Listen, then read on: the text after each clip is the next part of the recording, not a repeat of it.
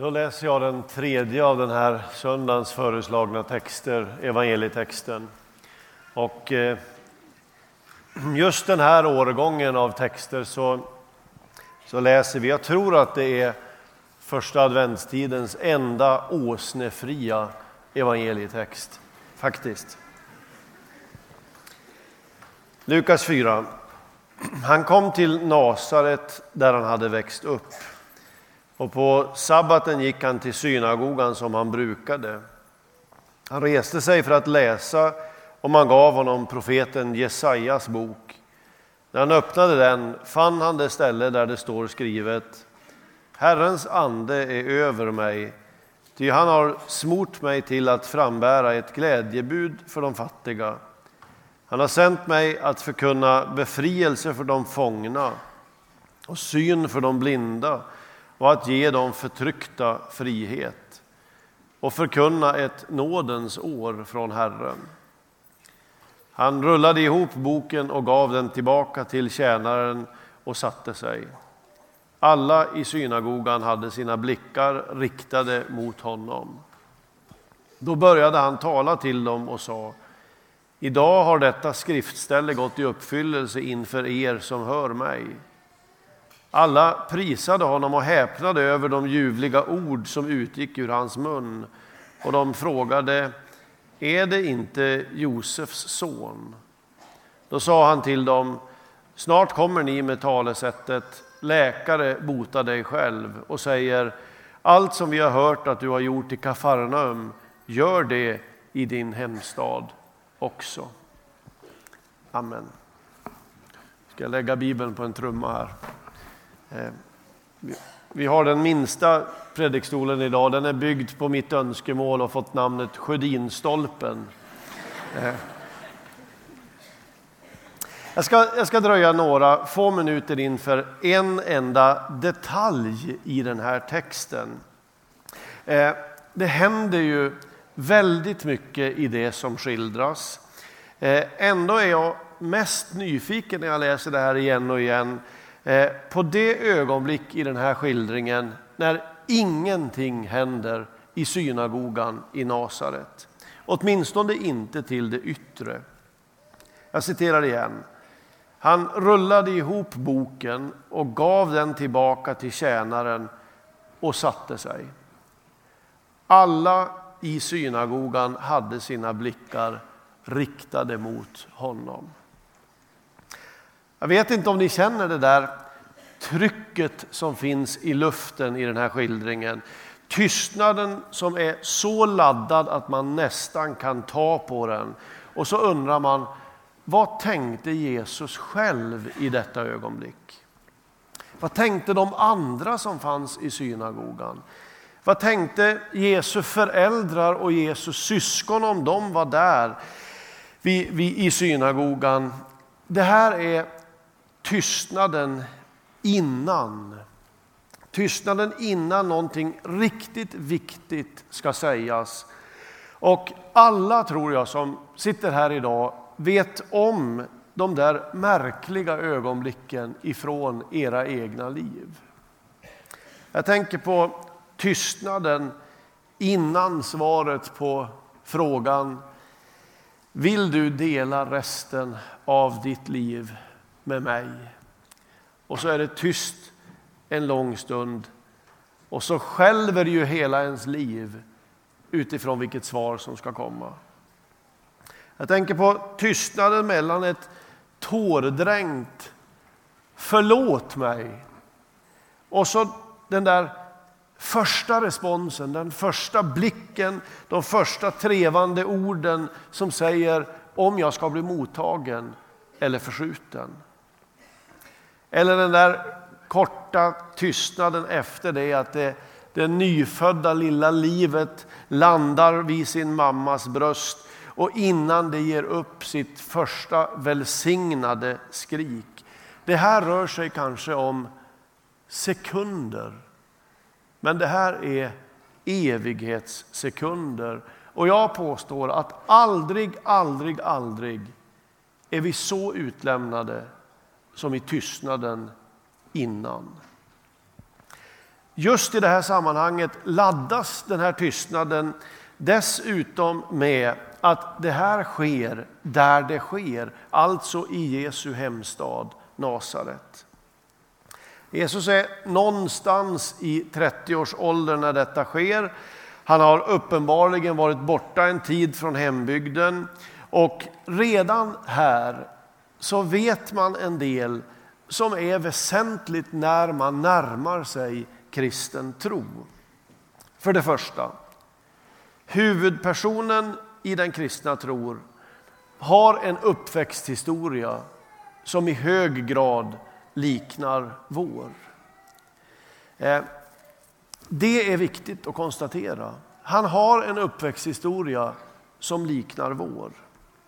Jag är så lycklig över att inte behöva stå här idag och berätta om hur Jesus framträdde för de andligt sinnade som någon slags astral energi, sa några kloka saker och sen liksom förenades med världsalltet igen.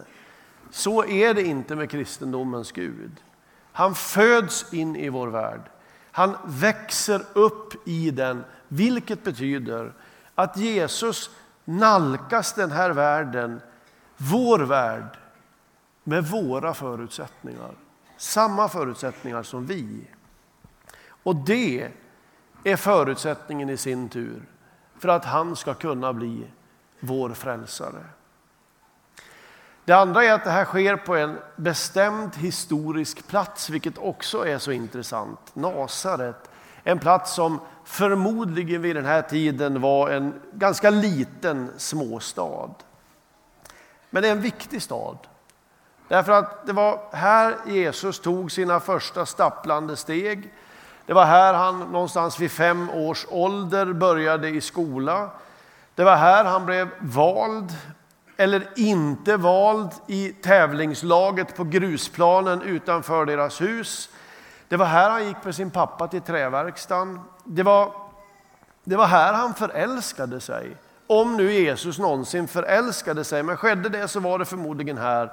Och det var här han brottades med alla frågor och alla val utifrån den livsväg som öppnade sig framför honom. Nasaret satt för honom ihop med allt det och han var ett barn av den stan. Nu har han lämnat Nasaret och hembygden och så kommer han tillbaka dit igen. Och så konstaterar vi att det är inte tvärenkelt att komma tillbaka hem igen. Birger Norman som är Ådalens stora poet, han menar att man kan aldrig återvända. Han skriver att man kan resa tillbaka, men man kan aldrig återvända därför att det sammanhang man lämnade, det finns inte kvar. Det går aldrig att återskapa. Så måste jag få berätta för er att jag var, jag var hemma i min uppväxtstad Kramfors för några veckor sedan. Jag var där för att jag skulle, ja det skulle hälsa på min mamma, men jag skulle också hålla ett föredrag om nämnde Birger Norman på Stadsbiblioteket i Kramfors. Ni hör att det här är hur stort som helst. Eh, och då, då slog det mig på ett sätt som jag aldrig varit med om förut. Vilken, vilken laddning det är i det där som vi kallar hemma. Jag önskar jag kunde beskriva den här kvällen för er. Eh, för det första, hela stan var där. Eh, åtminstone, får jag vara ärlig och säga, så många som ryms på stadsbiblioteket i Kramfors. Eh, och jag får också vara ärlig och säga att det inte är särskilt många. Men alla de som var där var i alla fall där. Och jag tittade ut över den här gruppen av människor så såg jag ju att där fanns mina gamla lärare från småskolan, där fanns några av lärarna från gymnasiet, där fanns några klasskamrater, min familj naturligtvis. Där fanns tanterna och farbröderna från, från Philadelphia och där satt kyrkoherden och några av hans medarbetare. Och så uppstår det ju någon slags, någon slags särskild laddning i de där ögonblicken när man kommer tillbaka till allt det här. Där blandas ju stolthet faktiskt med något som jag tycker gränsar nästan bort emot förakt åtminstone misstänksamhet. Alltså, vad, vad ska han nu komma hem och förhäva sig? Vi vet ju vem han är. Snorunge. Det vet vi. Och så slår den att man, man blir faktiskt ganska liten när man kommer hem. Man blir det. Och så måste jag säga, observera nu när jag går vidare, inga övriga jämförelser nu, för då går vi tillbaka till Jesus. Men allt det där som finns i luften, när Jesus kommer tillbaka hem igen, allt det ryms ju i den här tystnaden som uppstår. Och när Jesus i raden av unga män läst texten så blir det tyst. Och i den tystnaden vibrerar först och främst den här lokala tystnaden. Men när jag har läst detta så slår det mig att den är ju ändå bara ett litet, litet hörn av den historiska laddning som finns i detta ögonblick och som är adventstidens själva kärnbudskap. Det här är tystnaden innan Jesus ska möta allas blickar, deras som satt i synagogan då och våra som lever nu. Och med sitt tydliga anspråk offentligt inta sin plats i det vi kallar frälsningshistorien. Och hela världens frälsning hänger på vad han nu ska säga. Och om man snabbt kunde zooma ut den här bilden så tror jag att man skulle finna att det som sker i synagogan i Nasaret, det sker i hela mänskligheten. Det sker i hela världen faktiskt. Det är som om hela universum i de här ögonblicken håller andan. Alla har sina blickar vända mot honom. Först läser han Jesaja-texten om den befriare som ska komma, som man har väntat på i många hundra år. Den här texten är inget nytt, de har hört den läsas många, många gånger. Sen har de gått hem och ätit kvällsmat igen. Den här gången är det alldeles, alldeles annorlunda. Och märk att det finns en ordning i det här. Dels i det lilla, men också i det stora. I det lilla, det som händer där och då, så öppnar han bokrullen. Han läser den text som ska läsas denna söndag, denna dag. Möjligen väljer han ur några föreslagna texter. Och sen följer de andra läsningarna som ska komma. Men det finns också en ordning i det perspektiv, det stora perspektiv som rör den här världens återlösning och allas vår frälsning. För här stiger Jesus in i ett historiskt flöde, ett historiskt sammanhang och knyter sitt eget liv, sitt eget uppdrag till det som redan har förutsagts av profeterna. Märk att han inte kommer med något nytt. Det här är ingenting han har suttit och grunnat på hemma i sin kammare. Det är inte någon ny uppenbarelse som han har sett under hänryckning. Det finns ingen förhävelse i detta. Han tar bara sin plats i det som redan är sagt och upprepat århundrade efter århundrade. Genom det så, som Jesus nu förannonserar och sen genomför så stiger en hel mänsklighet in i det som profeten kallar nådens år. Alltså en helt ny ordning, en helt ny tid med nya förutsättningar. Det är inte så konstigt att det uppstår några ögonblick av tystnad här innan de där orden ska sägas som ju fortfarande vibrerar med sån kraft. Idag, säger Jesus, har detta skriftställe gått i uppfyllelse inför er som hör mig. Idag har det skett. Jag, jag tror att det finns ett sånt här idag i varje människas liv.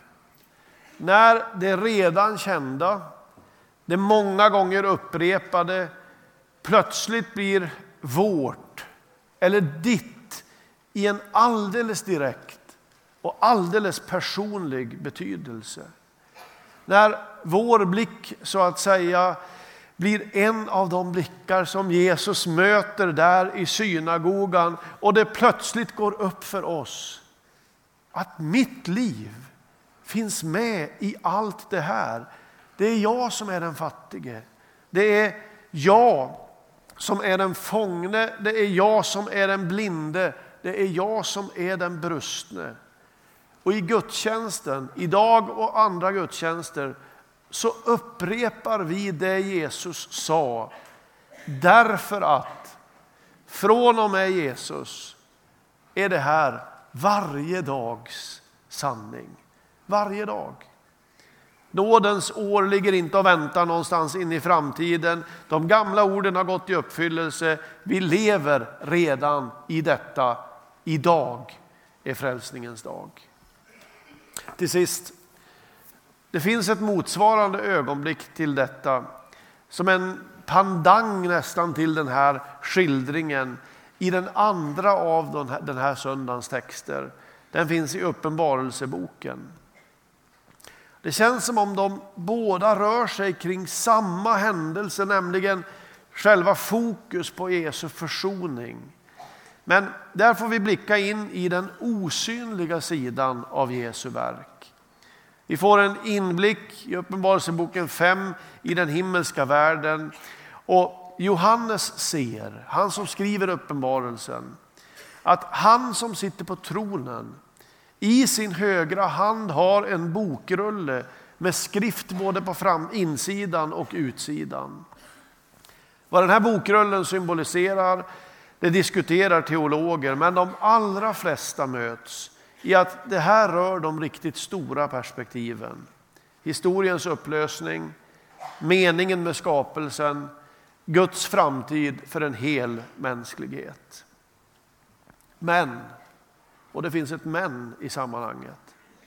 Bokrullen är förseglad med sju sigill och vem som helst har inte rätten att bryta de sigillen och läsa i boken. Och nu spanar man genom himlarna efter någon som skulle kunna vara värdig att bryta sigillen, öppna boken och läsa det som står där.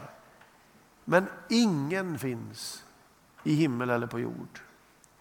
Och så tystnar hela himmelen. Också detta är tystnaden innan. I den där tystnaden, så bokstavligt läser jag Bibeln. Där ryms alla våra stora frågor. Alltså vad är meningen med livet i stort? Varför finns jag här i det här livet? Vad händer efter detta jordelivet? Men det är tyst. Därför att ingen finns som kan bryta sigillet. Ur tystnaden växer ganska snart i himlen en förtvivlad gråt därför att ingen kan liksom knäcka den koden. Men så händer det där som man kan läsa tusen gånger utan att sluta röras. Tystnaden bryts plötsligt. Det är en av de äldste som har sett någonting. Och nu påkallar han de andras uppmärksamhet och så säger han, gråt inte. Se, han har segrat, lejonet av Judas stam, skottet från Davids rot. Han kan öppna boken med dess sju sigill. Och jag såg att mitt för tronen och de fyra varelserna och mitt för de äldste stod ett lamm och det såg ut att ha blivit slaktat. När det står klart i den himmelska världen att Kristus, lammet som bär våra sårmärken, allt det som brast i våra liv, när det står klart att lammet är värdigt att bryta sigillen, öppna meningen, framtiden, historien, då sprider sig en lovsång i den himmelska världen som liksom börjar närmast tronen. Och sen sprider den sig till de varelser som beskrivs och som finns där. Och sen stämmer de äldste in i sången och sen växer den sången ut i varenda cell av kosmos tills hela kosmos vibrerar av en och samma sång. Nämligen den att hela frälsningsmysteriet bor i denne ende Jesus Kristus.